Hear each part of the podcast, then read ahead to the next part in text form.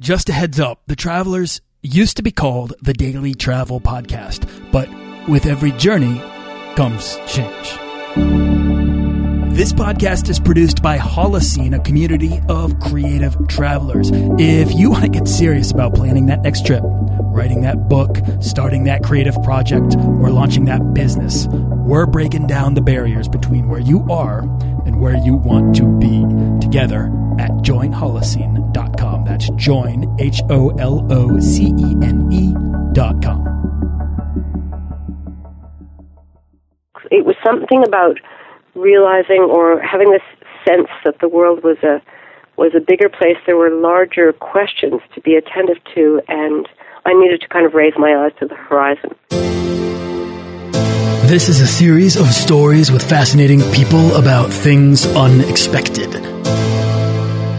You know, I guess it's like surfing, but you put yourself out there on your board, right? But really, you know, who are you to be out there on that ocean, you know? This is the Daily Travel Podcast. But, you know, a wave will come and stuff will happen and it'll be interesting. It won't be necessarily what you thought it was going to be. This is about going to the limits of our curiosity and creativity and writing the stories that make up our lives. The world is very big and um, life is very short. This is a show about exploring the world to better know ourselves and about turning ourselves inside out to better know the world. And I want to spend my time kind of appreciating what's out there.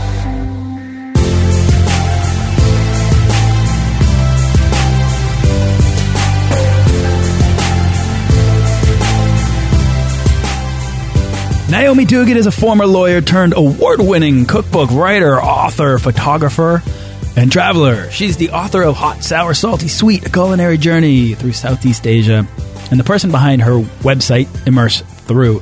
Today, she splits time between Toronto and Chiang Mai while focusing on Burmese culture and food, which you can find amazingly delicious looking pictures of all over her Facebook fan page. I'm excited to get into Naomi's story, the background of how and why she uh, left the, the, the career in the law, and what she's up to today, how food has propelled her into a place. Uh, from where she stands a lot more comfortably. At least that's the way I interpret it. I'm excited to get to know her. Naomi, thank you so much for coming on the show. Oh, I'm happy to be here. um, I, but you know, I have to. Can I just you know comment on your intro? Yeah, please because uh, it's interesting that question of comfort and where you're comfortable. Um, but um, I I've been spending a lot of time in Burma because I then wrote a book about Burma that came out in 2012, and but now I'm hanging out in another part of the world. So Ah. so I'm kind of um, Update you know yeah. So we can update and. Um, uh, what I'm I'm working on a project and it's actually due at the end of the month, but I'm going to be a month late. God, I hate being late. Uh, and maybe that's the old law thing, but uh, it's basically I think you know why take more time over something if you know you can get it done and move on to something more inter- you know something next. Uh, so uh, it's the working title is Caucasia, and it's um, it's the area f- you know south of the Caucasus Mountains. So it's Georgia, Armenia, Azerbaijan, plus Iran and uh, and Kurdistan, which is part of Iraq next to Iran, because all of those cuisines have been, you know, all those peoples have been part of the Persian Empire one time or another, and so there's a whole sort of Persian influence, and yet there's all these local distinctive things, and the food is really interesting. So, uh, so I've been going there, um, and you know, lucky to get it, go to Iran and spend time there. Lucky to be in Kurdistan just before ISIL attacked uh, Iraq, and um, and spending time in Georgia, Armenia, and Azerbaijan. So that it's very, it's really interesting because when I think about comfortable, being comfortable on the road or comfortable out in the world, you know, I think it doesn't matter. Doesn't matter where you are. If you decide that you're not going to worry, you're just going to be present to where you are. You know. So Burma, you know, military dictatorship and all sorts of oppressive stuff when I started on my book project there. And it was sort of a bit intimidating. If you let your head be in charge, if I let my head be in charge, it was intimidating. You know, will they stop me or will somebody think I'm a journalist or because that's what it was like then in, in um, 2009 when I started. And um, no, in fact, if you go in and just hang and you know, just like any other kind of travel, spend time in tea shops and talk to people, or just hang because actually people were nervous about talking to a foreigner for quite a while because of the secret police questioning them if they talk to a foreigner, all that kind of stuff. Um, you know, if you do that, then you start to sort of get comfortable and realize, oh yeah, it's a place like any other, and you know, the top-down stuff is really, but the people on the ground are, of course, just trying to get on with their lives, and it's the same in Iran.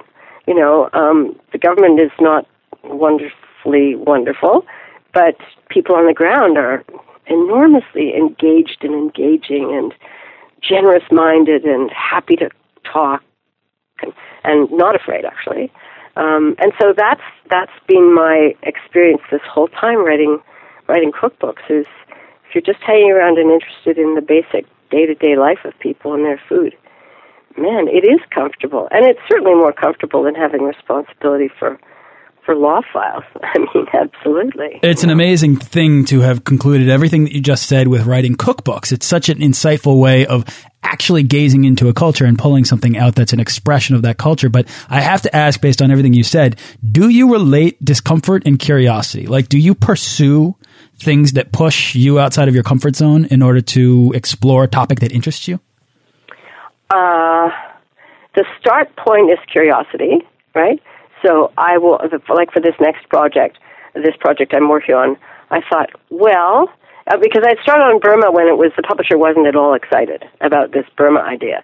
You know, when publishers are are faced with a proposal, and this is my editor was okay with it, but the money guy was sort of you know had more to worry about, and so and he we I'd done hot sorry, I co-authored six books before with my now ex, and I was doing this one on my own, the Burma book, and you know the the questions, the obvious questions are, and this is in remember this in 2008 um, is uh, is Burmese food hot? No. Are there any Burmese restaurants in the states? Because this publisher's American. Mm, not so many. Um, is Burma kind of up and coming in any way? Mm, no, not really. You know, so those aren't good answers for a publisher. Um, so they weren't very, you know, like the terrible answers. And and only because I had a, a track record with them. I mean, only because they knew me. They they made me an offer that my editor was embarrassed about, but she said, you know, it's the best I can get out of them, kind of thing. And I thought, well, I better take it because nobody's going to give me more than that because nobody else knows me as well as they do in terms of having confidence in me. So I took it. And then, of course, in the course of doing the book, well, just after I handed in the manuscript, while we were doing the editing and design and so on, uh, things evolved in Burma, you know, uh, Aung San Suu Kyi, there were headlines, Hillary Clinton went there, all of those things. And suddenly the publisher was very happy. Okay, so so and the book then did really well because there was all I didn't have to tell people where Burma was because they'd heard of it by then because there'd been all this other news about Burma. And it was an optimistic place and people were curious and so they bought the book because they wanted to know. So when I, I thought about, well, what's, what's another really interesting place that's kind of a black hole, you know, in, in people's imaginations? And I thought, well, I guess it's Iran, but I'm, I'm not Iranian, so I can't write as an insider. I'm interested in context and and you know how peoples relate to each other. But an Iranian, a Persian culinary region, now that's an interesting thing. And I'm interested in flatbreads and rice. Um, and our first two books, when I was with my ex, were one was about flatbreads and another about rice. So I thought, and I'd been to Georgia. Uh, let's let's propose that. And you know, here's another sort of big fence for the publisher to get his head over, so to speak. And um, but because of the confidence that, well, I had kind of picked it right with Burma. Not that I'm brilliant; it's just with luck, right? But I proposed it, and bingo, I had a contract. And it was at a time when it was January of whatever it was, 2013, when Obama was being urged to bomb Iran. So I thought that was pretty good as a publisher. You know, like that's that's uh, that's confidence or that's optimism or whatever it is. Anyway, so here we are, and a lot of stuff has unfolded since then in the region, good things and bad things, but the Americans now are talking deals with Iran, and, you know, things have changed unbelievably.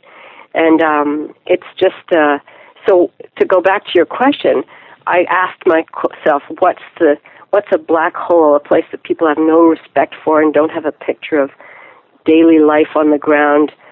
Where's a place that I could kind of try and bring to life through the food? And this seemed to me the richest possibility. So, therefore, the project. And then, well, does it stretch me? Well, it always stretches me because you know I don't know what I'm doing. I mean, I, I mean, who does? If, and so I just go there open endedly without a sort of shopping list. You know, trying to, trying to see, and without preconceptions. I don't. I just try and sort of see what I come across. I'm not a journalist, right? So I'm just relying on good luck and chance encounters and you know insights in you know you know train compartment conversations and all those things that with luck happen. And and they did. They happened in Iran and and and in Iraq I was very lucky in Kurdistan. I stayed with a I was passed from hand to hand in an extended family and stayed in people's houses. And it's just uh you know you just have to kind of you know I guess it's like surfing which I don't know how to do. But you put yourself out there on your board right? And then and then you and you have you know you have your wetsuit or whatever. But really you know who are you to be out there on that ocean you know? But you know a wave will come and stuff will happen and it'll be interesting. It won't be necessarily what you thought it was going to be. Um, but that's great too.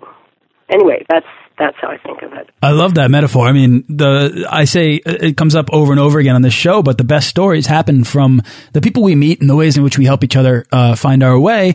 And these things more often than not happen unexpectedly. You can't be planned, and there is certainly this unplanned nature to your work that yields richer experiences that I'm I'm assuming informs your writing. Uh, absolutely, yeah. absolutely, and I think planning is the death of that. You know, I mean, it's just crazy. I think you just sort of say, okay, well, for example, when I was going to uh, to the the Caucasus, I'd been to Georgia before, but anyway, uh, uh, last fall, I thought, well, what to do? Gee, mm-hmm, Azerbaijan and Armenia are almost, they're not at quite war, but they're at ceasefire. Uh, so maybe I should go to Azerbaijan first, and then, mm, let's, this town, this small place looks interesting, and this small place looks interesting. So I'll just book a hotel for a couple of days cheap hotel as cheap as I could find. It's not cheap. Baku, the capital of Azerbaijan, and then sort of see what I come across. And it turned out one of my guesses on the towns was a good guess. And then a, a guy I met said, you know, you might want to go to this a small place called Lahij. You know, it's kind of interesting. And so I thought, oh, that's good. It was a local guy. And um, it was good advice. And so, like that. So the, the big thing you need is time so that you can be flexible, right? So if you're there sort of saying, oh, well, I've got two weeks and I've got to knock off these things, that doesn't leave you much room for serendipity, right?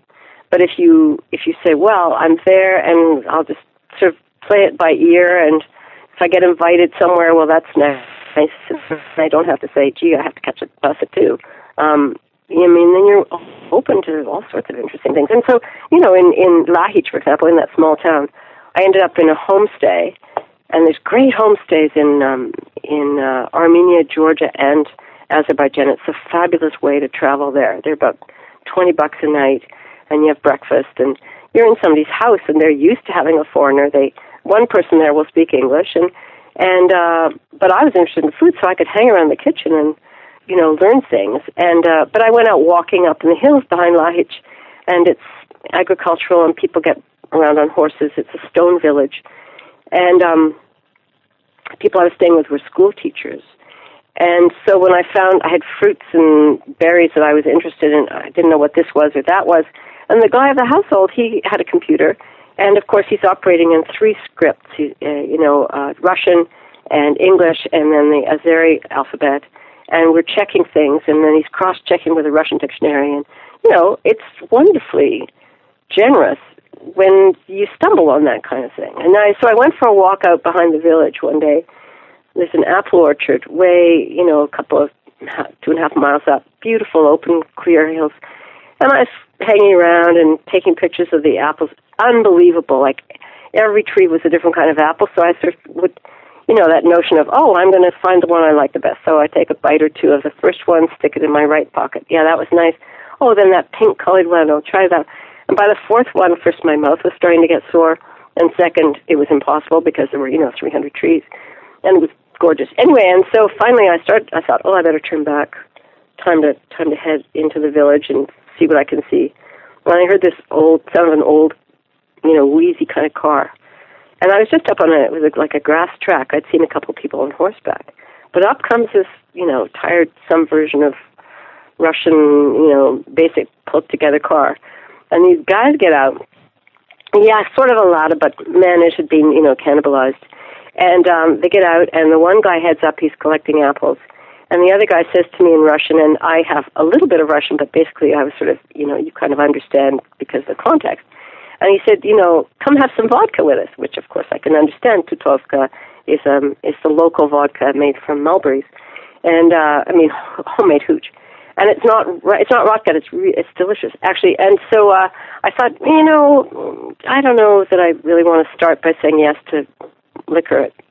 And and then he, I said, well, you know, I demurred kind of, and he said, no, we're going to make shashlik and we're going to eat now. Oh, okay. So I joined them. So so there we were, and then some guy came by on a horse, and so he got rolled into. So there we all were, you know, just improvised out there, and they'd come out for a picnic. Some guy was visiting out of town.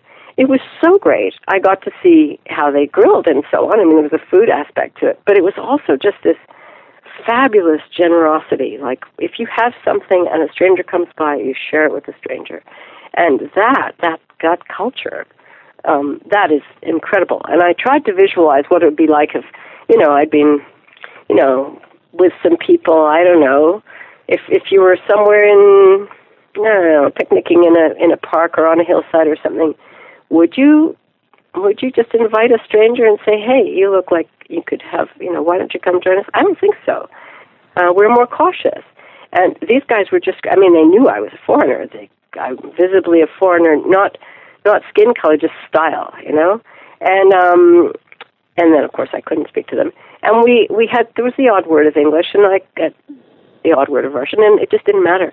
That's the kind of stuff that you know just okay, go for a walk, get yourself out there, and see what you're going to come across. And you know stuff like this happens. I ran into them the next day in the late afternoon, and they said, "Come, you know, in whatever Russian, but come, you know, we're going up the other side of the hill to look at the other, you know." And it was bit cloudy, and I thought, okay, we're going up a steep, muddy track, and it's late, and then they're going to drink. And do I really? Well, yes, okay. I can't say no. So up we went, you know, and we had another fire and another, you know, it was, it was so wild, and and then throwing back um, big glasses of fresh uh, cherry juice, dark cherry, sour cherry juice, washing down the vodka with that. It was spectacular you know. So that's the kind of thing, you know. Yeah, that is. I mean, serendipity is such a great wellspring for uh, inspiration and for curiosity. I mean, it can be. Uh, it, it, I feel like serendipity or the things unexpected are the muse for the work that at least that you're doing. Um, but you know what's interesting is that you know you have this sort of. I mean, you're, you've effectively built a career on sort of imparting what you've uncovered and uh, using it to shine a light on places more, more often, or at least lately in your in your more recent work, places that aren't uh, people aren't as informed about, right? So this idea, this idea that that you know, I mean, the Caucasia and covering this part of the world, Azerbaijan or Georgia or Iran, it's either very misunderstood or completely unknown, or just right? completely like, yeah. where are you going? Said a friend of mine. I said Azerbaijan. She said, well, remind me where that is again. And I thought, wait a minute, this is an educated woman, you know, and so on. But it's just some places just we can't hold everything in our heads, right? Some places sort of fall off the edge. And I, I know, I mean, even you know, when um, when my ex and I did our last book together, it was called Beyond the Great Wall. It came out in 2008, and it was about sort of the outlying cultures of China, the non-Han cultures of China, some of them and you know Tibet, Mongolia. I mean, anyway, far western China and Xinjiang, the Uyghurs, and so on. And it was the same kind of thing that people, you know, we were wanting to talk about each of these groups and sort of bring them forward and say, hey, you know, this is really interesting. They've never had a country. They they've never wanted a country. I mean, some like the Tibetans and Mongols, of course, but the others no. But they're it's fascinating cultures, and we're losing them as they get drowned in in the the larger sort of uh, standardization of of China, and um, and it's sort of I don't know. It's I guess what's interesting to me is is the diversity of sort of human experience and human creativity, and um, and again, it's easy to lose track of that when we're in a city doing all the our expected things with our expected reflexes. And I think that's why a lot of people travel is to get reminded of other other contexts and other cultures. But then they have to be prepared to, you know, not have cereal for breakfast. You know what I mean? I mean, they have to be prepared to take a place on its own terms. And I think that's where some travelers really have trouble. You know, I think that's true. And I think that that is something that is rooted in a personality in the way you are raised in accordance to travel or the relationship that travel plays in your life at a young age. And I Maybe, have, yeah. yeah, I have to ask, like, where does it all come from for you? Because you have this sort of, uh, urge and confidence to explore and then absorb sort of what you what you have, process it, and make something from it. And so, for me, not only are you sort of creatively minded, but you also have the the confidence to take these steps beyond your comfort zone. Uh, wh where did you grow up, and at what point did travel play into your uh, upbringing? You know, I'm I my my provenance is so kind of uninteresting. Um, so it's totally you know, um, no, I, I grew up uh, mostly in Ottawa, Ontario, Canada, which is, happens to be the nation's capital. My parents did not work for the government. Um, just to, you know, say that. Um, and uh, with a little time in Quebec City when I was a kid. But um, but I think my there were always maps in the house. My I was always interested in. My father was very interested in history. Um, there was this assumption that the world was a big place, and don't forget that Canada uh, was part of um, you know the British Commonwealth. So there was this notion of other places in the world having uh, having some connection to other places in the world. Interesting. You know what I mean? Yeah. Um, because there's that there's a sort of in that sense, and it's odd. It's under the aegis of you know the Queen and and in, in in Britain, but it's this notion of a community of very different peoples.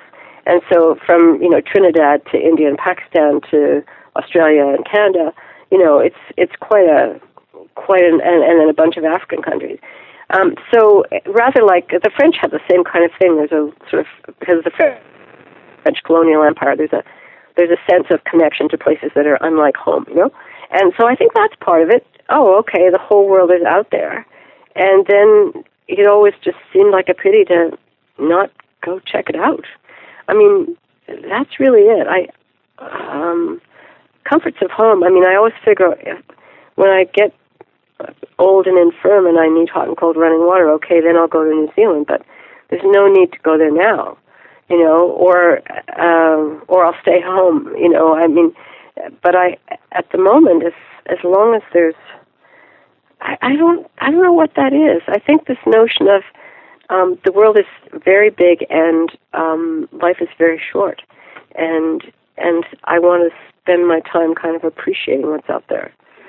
Uh, I know that sounds very Pollyannish, but kind of there it is, you know. I think, I mean, I think that that's it. So you have these maps and you have this his, uh, historic upbringing and you have the, uh, I should say upbringing with a parent who's interested in history. Yeah. it's a little different. Yeah. Um, yeah. And then you're raised with the sort of, uh, acknowledgement that you're part of this bigger sort of empire, this commonwealth. And so there's this obvious question of what else is out there that sort of permeates just culture in general. And I think that we all have our questions, right? Our questions are what leads us. Your questions are different. So when I hear you say, you know, you can wait until you're older to go to New Zealand, um, for me, it doesn't compute entirely because I want to go and do the treks and I want to go and do this, this, see what it feels like, um, on the top of a mountain there, right? And so for me, That's so interesting. Yeah. Yeah, no, I get it. For you, a- you want to go there while you can. yeah, I those are my questions. Like, I want to out. feel it. Yeah. And I mean, Yeah. I, I get it. I can go there also when I'm 60, but I've traveled with people at the, you know, in their 60s and 70s. And the fact is, is that we, It's a completely different it rhythm. is, you get where you want to go and then it's nap time or Yeah. lunchtime instead of time to hit the two kilometer But- trek. But for me, I you know, I I just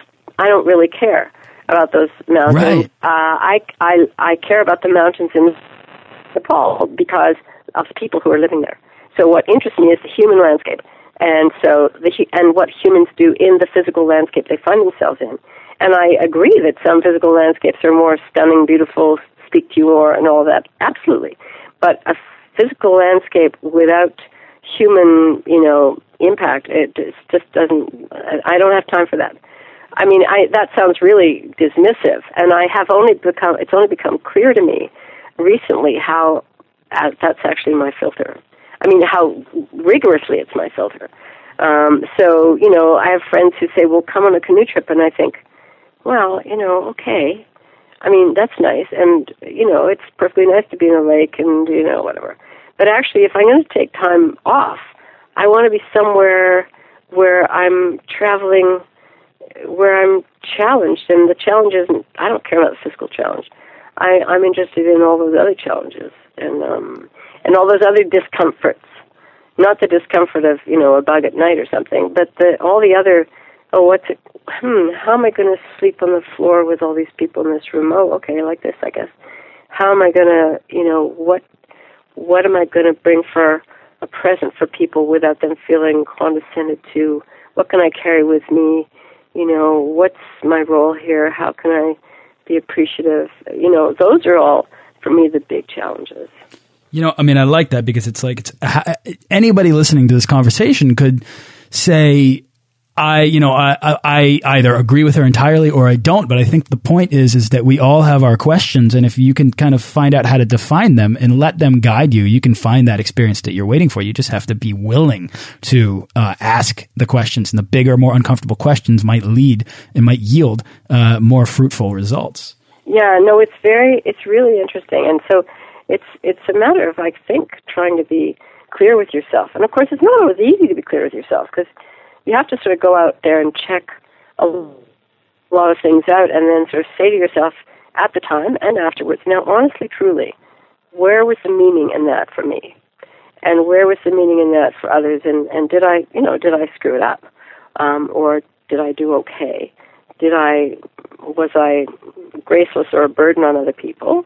you know, or did I? I mean, you know, all of those things are really, um, and that's that sort of taking stock afterwards is sometimes the hardest thing I think for people because they, you know, you sort of want to, you come back and you forget the hard things on the trip. Well, that's right, but to actually be honest with yourself about, um, yeah, what what went on, what were you thinking at the beginning, and you know how how how did you do, you know? so. Um, I have to ask though. I mean, you were raised in Ottawa and um, and sort of wanted to travel more. You had these questions, but you pursued a career in law, and that's not usually one that uh, affords the opportunity to travel. Maybe it did or not, but eventually, then you left it. How did that happen, and what uh, sparked or motivated the trans the transformation? Well, the you know, I went out? into law with political purposes. I'd done some work with with planning issues and with poverty groups and stuff, and then I thought, oh, I need more tools to do this right. I was by a I was in northern Finland actually when I had that thought. So, okay, I can go to law school. I can do this. So, tools to be more effective. And uh, so then I got then I practiced union side labor law, and I really loved the people. I loved the clients, and I loved the people I worked with. And um, I was supposed to join the partnership, and I thought, well, okay, I'm going to take a leave of absence. And I think I didn't know consciously um, about this. I just anyway, it put I knew enough to know that I needed a leave of absence, and I asked for one, you know, unpaid leave. And this was not a very common thing in those days. This is the mid '80s, and so um, so off I went to uh, to meet a friend in Tibet. And Tibet had just opened to individual travelers, and and uh, um, and I'd been traveling for three weeks, and I suddenly found myself in tears one day, and um, and I thought, oh, I guess I have to quit. Um, you know, I think it was something about realizing or having this sense that the world was a was a bigger place. There were larger questions to be attentive to, and I needed to kind of raise my eyes to the horizon. And so I needed to quit. So I went on traveling for a bit. I met an extraordinary traveler um, by, of course, chance um, in a hostel in Kunming, uh, and we took a train together, 23 hour train ride, and uh, we talked. You know, we had four hours sleep, I think, but we talked otherwise. And she, because this woman I'd met by chance turned out to be Ella Maillart, who was one of the great travelers of the 20th century, whose books I'd read. Like uh, one of them was Turkestan Solo. She traveled by herself in the Soviet Union and Turkestan and so on in 1933. Wow. And when I met her, she I thought she was sort of 60ish, but she was 83 actually. And she was staying in this dorm in Kunming, right? Travel keeps and and she uh and then we you know, uh, she I was traveling by land around, and she had traveled across China from Beijing all the way to Pakistan in 1933-34 with Peter Fleming, a, um, a book she called Forbidden Journey, and he he called his News from Tartary, his book about it. They're both fabulous reads, actually, and they're both reissued. Hers are reissued in Virago publications. Anyway, and so I couldn't believe it. She said, "Have you ever, have you heard of a book, um, um, Forbidden Journey?" I said, "Yeah, I always wondered what happened to her." And she said, "I'm Ella Maillart." I mean, I almost fell over.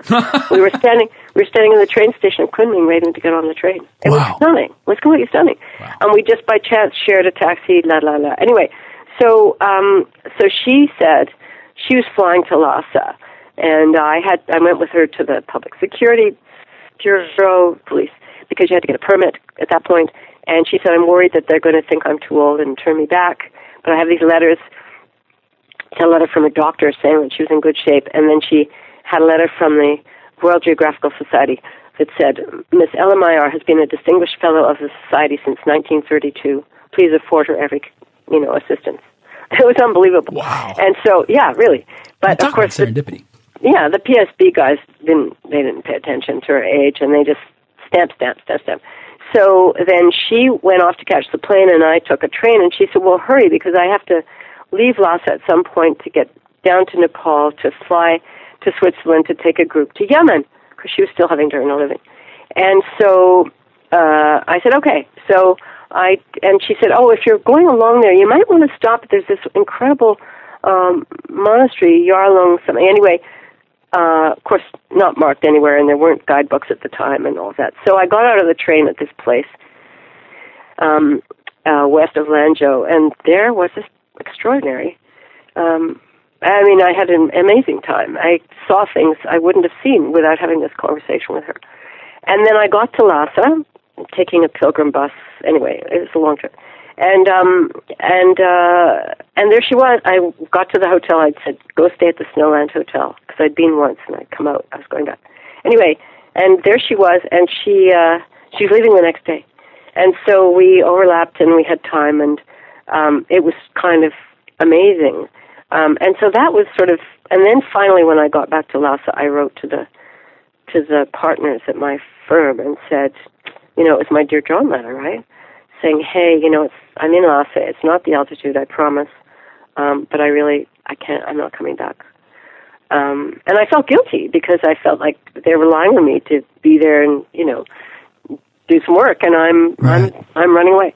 But um, How but did it they was respond? lovely because and they were they were really great. I mean, they were fabulous. I mean, I got back to Toronto eventually, and they were they were just fabulous. And actually, they then because you know starting out to do a trip um, to uh, back to Tibet, and that's I I met my guy there, my now ex. We I met him in Lhasa the day uh, after the evening of the of Ella's last day in of in Lhasa, my first night in Lhasa.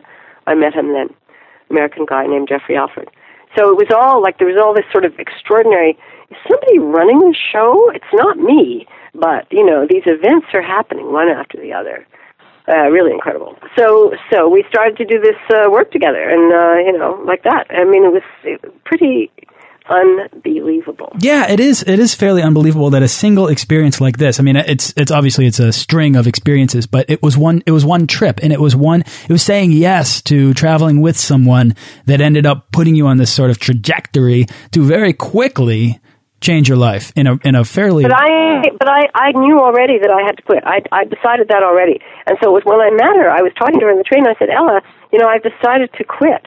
And she said, well, as long as you can figure out a way of earning a living, that's the only trick. She said, it's been a little tricky for me, but it's been fine. And she said she wrote books, and then after the war, she worked as a journalist, and she'd met Nehru. Uh, she went to interview him, and he said, "Are you the Maillart that wrote, you know, this book and this book?" And she said, "Yes." And he said, "They saved my sanity when I was in prison. Anytime you are staying in Delhi, you'll stay with me." He was the prime minister of India at the time, and she stayed with him. Every it, it helped that she was a tall, attractive blonde woman, but um, he she stayed with him anytime she was in uh, Delhi. And um, I mean, you know, so these things, this gets transmitted from person to person. I mean, it's not nothing is a dead end. You, and that's why it's important to pass it on. I mean, what you're doing with these broadcasts, these podcasts, is passing it on. I think it's all, it's terribly important to pass it on. So that I, I, think that that exactly encapsulates and almost sums up this entire conversation, at least uh, with regards to you, your work, your motivation, your curiosity. Um, that as long as you find a way to earn a living, you can kind of do this sort of thing that you've been doing. Yeah. And the thing ask that questions, ask questions, always it. be out there asking questions. Ask Great. questions and share the share the results, even if they're not yeah. answers. Share the things yeah, you've exactly. been doing. And at mm. some point, what's really interesting is as you explore the human landscape, as you put it, which I love, uh, food became sort of the universal language with which you seem to share the things that you uncover. Um, at what point did that become the thing that you latched onto as well, possible? Well, it's interesting. So, so uh, my ex and I, Jeffrey and I, we decided we um, he was in Lhasa to bicycle to Kathmandu with some friends. It hadn't been done before, and they thought they would be stopped, and they weren't stopped, so they made it, and that was pretty amazing. So that was in '85, and, and so we thought in Kathmandu, we thought, mm, they're opening the Karakoram Pass uh, the pass into into Pakistan next spring to foreigners. Let's do that. And so, um, so we went back to North America, blah blah blah, and came back and got ourselves out to um, Western uh, China to Kashgar, and it was in '86. And um, and you know, there's stacks of flatbreads out there. I mean, everybody lives on flatbreads, the Uyghurs, and and uh, it was we were pedaling, and then we met Kyrgyz and Tajik up in the mountains, in the Karakoram, and then we eventually went over the Khunjerab Pass into into down into Hunza. And on that trip, um, uh, still on the Chinese side, um, you know, Jeffrey said, "If you could, wouldn't it be interesting to write a book about flatbreads?" And I said, "Well, if it could have photographs in it, and you know, yeah, okay, let's try that." And so um, there we were. That's it. You know, we were, needed to figure out how to make a living, and I was taking photographs already. And so, and so was he. He started taking photographs. So um, he comes from a family of artists. So uh, you know, that's kind of how that started. But I'm I my undergrad degree is in geography, and I realized pretty late actually um, that it's all connected with that same thing that drew me to the geography, which is you know what what grows here, what's the climate, what grows here, what do people do with it, and and what don't they do with it? Because one of the things that's interesting is it may be obvious to you and me that you should, I don't know, do this. But for example, in Tibet, there's not very much to eat actually. You know, there's in the valleys people grow barley and so on, and but the, and there's people who have herds, and the nomads have herds of yaks and sheep and so on, and they have and they make um, yogurt and they dry that and make a kind of dried cheese in cubes and and they that's that's how they live, and uh, and they do they do fine. Um, there's also freshwater. There's some salt lakes, but there's freshwater lakes and rivers. There's fish in those. They don't eat fish. You think, wait a minute, you know, there's three things edible in this landscape, and one of them that they don't eat. No, they don't see it as food. They just don't see it as food, and that's what's really interesting. You know, you think there's lots of different solutions or approaches, but culture determines how people see what's edible and what's not you know, we don't think of bugs as edible particularly, except, you know, the old chocolate covered ants or whatever. Um, you know, and other people, anyway, you know, it's, it's all different. Um, and so snails or frog's legs, you know, um, cheese is revolting to most uh, Chinese um, traditionally, um, so are all milk products. Um, some fermented tofu and stuff is, you know, is not the first thing that uh, Western uh, people reach for.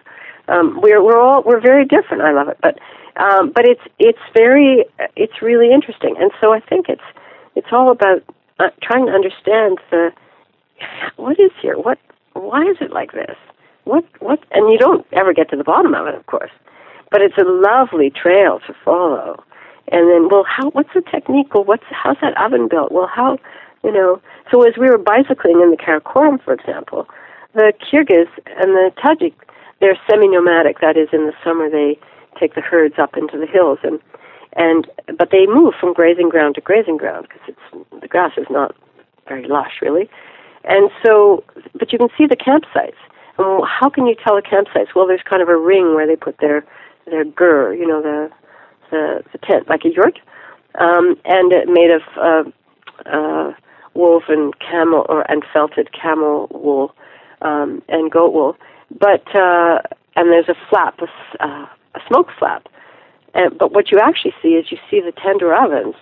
They're like uh, cylinders, um, like a cylinder of, of, like you could make a cylinder of paper, but with a slit up one side, not closed. Um, and they they're left out in the landscape. And when they come back, they just set the gur up around this. You know, they've already got their fireplace. They set it up around the stove, and you think, well, there it is. There's a food landscape. That's beautiful. That's thrilling to me. Now, that's a yeah. landscape I'll walk in. You know, um, but really, what a it's a brilliant solution. Um, and so it was like, okay, that's how it works. Okay, well, tenders. Why tenders? Well, there's tenders in Georgia. There's tenders. Hmm, but there's not tenders here. Some tenders are in the ground. What you know? So you can go from any point of view. You know, a tool, a food, and anything. Um, but ovens and flatbreads were, of course, our first sort of focus. Um, and uh, and that's how I got to Georgia the first time in 1989. Was looking for flatbreads, actually. Yeah, um, fascinating. I mean that that you would le let something like that, this sort of intellectual curiosity for one thing, lead you down this path. Takes you and, and places you have no idea where you're going to go. That's the part that's fascinating. You know, how lovely, how lovely to have this rich possibility without any actual, you know, knowledge for what it's going to be. You know? Yeah, that's really stunning. I mean, to have a project that that full is really, and that's what I'm always looking for is that feeling of, whoa, you know, it's going to, it's it's a huge stuffed cupboard full of things, and I hope I get to understand some of it. You know?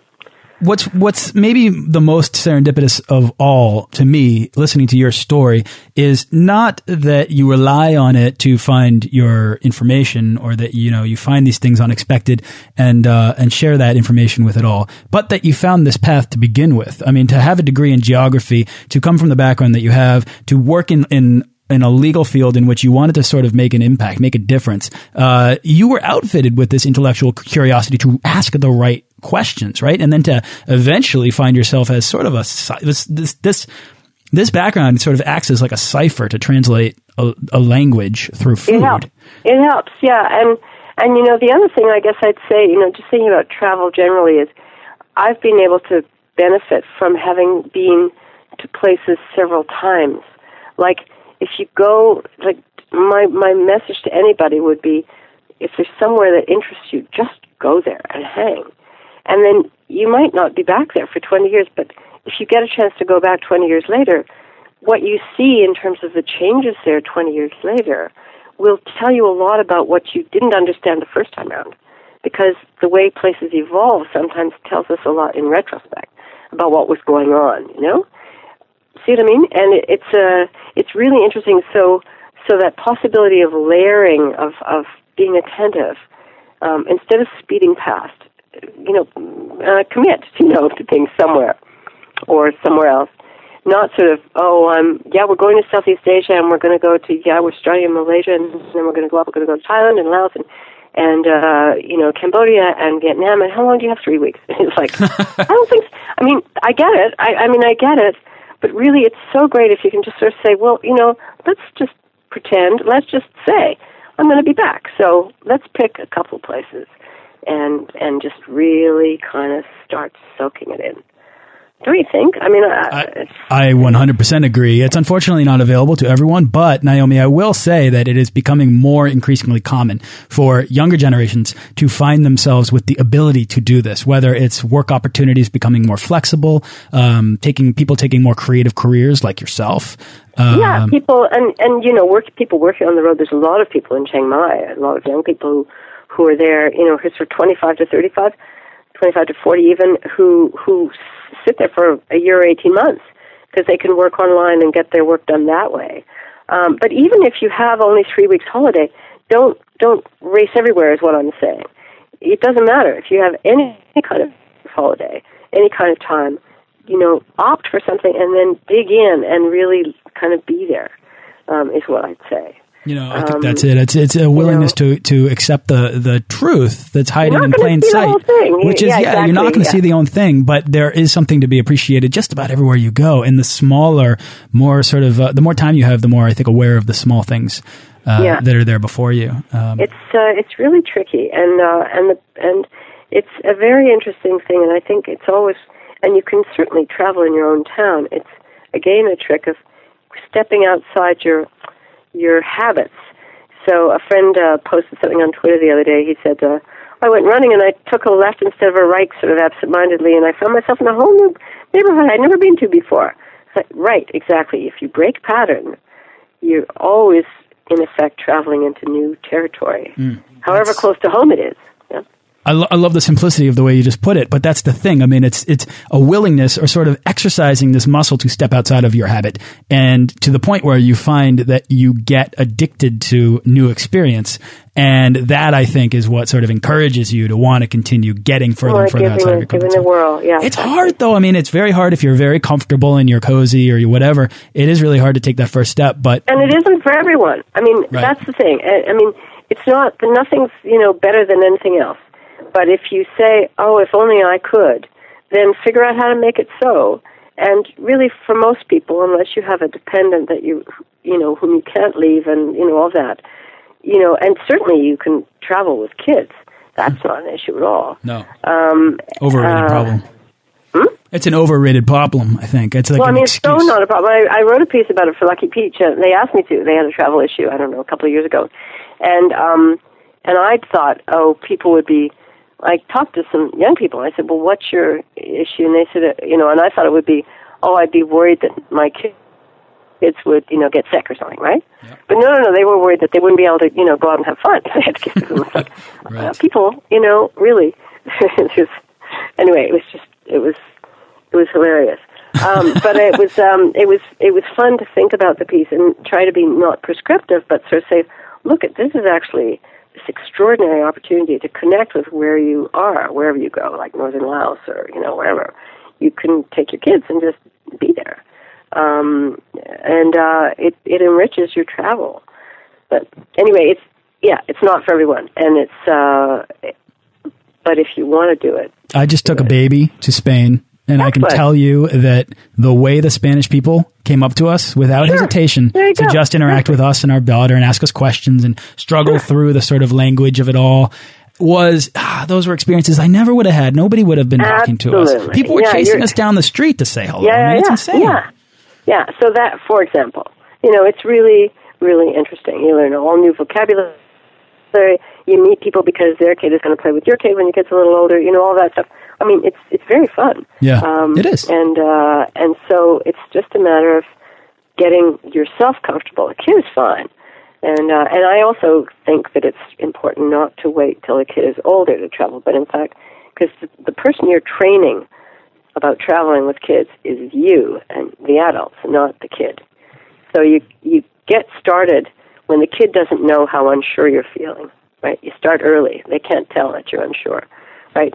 And you get your your travel legs. So by the time the kid is sort of saying, "Hey, pops, what are we doing here?" You say, "Well, because you know," and you're confident because you've done it, you know, and you say to the kids, "You were such a great traveler when we were stuck on the, you know, runway in in Barcelona because the plane had a thing, and you were so great. Everybody else was complaining, and you were so wonderful." That's and you that's part of their becomes part of their identity. Exactly. That's I mean, that- also important. That's what I was about to say. Is that there's this alignment between travel and identity, and the sooner uh, you help someone get comfortable with travel or accustomed to the process of travel, the more curiosity in general that process becomes a natural reflex because. It, you know, we're always asking, who am I? Why am I here? But if travel and exploration is actually integrated into that at a young age, that just becomes a natural sort of process for you. And did you travel when you were a kid? I did, and I had an extremely influential experience when I was five. My parents split, And my mother took my sister and I to England, and she had pulled off this home swap heist, and we stayed at a castle. Wow. A castle Fun. when I was five, and I turned six there, and I have these sort of fragments of memory of wearing a cape or holding a sword or playing with suits of armor or walking in the rolling green fields. And to me, castles existed all of a sudden, right? I went from this this magical world to reality and playing on cannons, and that that this is here. And I think very early on, maybe I wasn't thinking this at the time, but it became sort of inherent the question of what else exists, what other worlds are out there that I can actually explore. And now, I now I'm constantly seeking to sort of reinvigorate my imagination with every step out the door. Yeah, no, it's really uh, it's a great thing, and Yes. uh, and we're and we are so lucky. Yeah, yeah, we are We're absolutely. so lucky. And uh, anybody listening that wants a little bit of that luck, well, you can make your own luck, and uh, I can help you. So reach out if you need, or just or reach out to Naomi because she has these stories.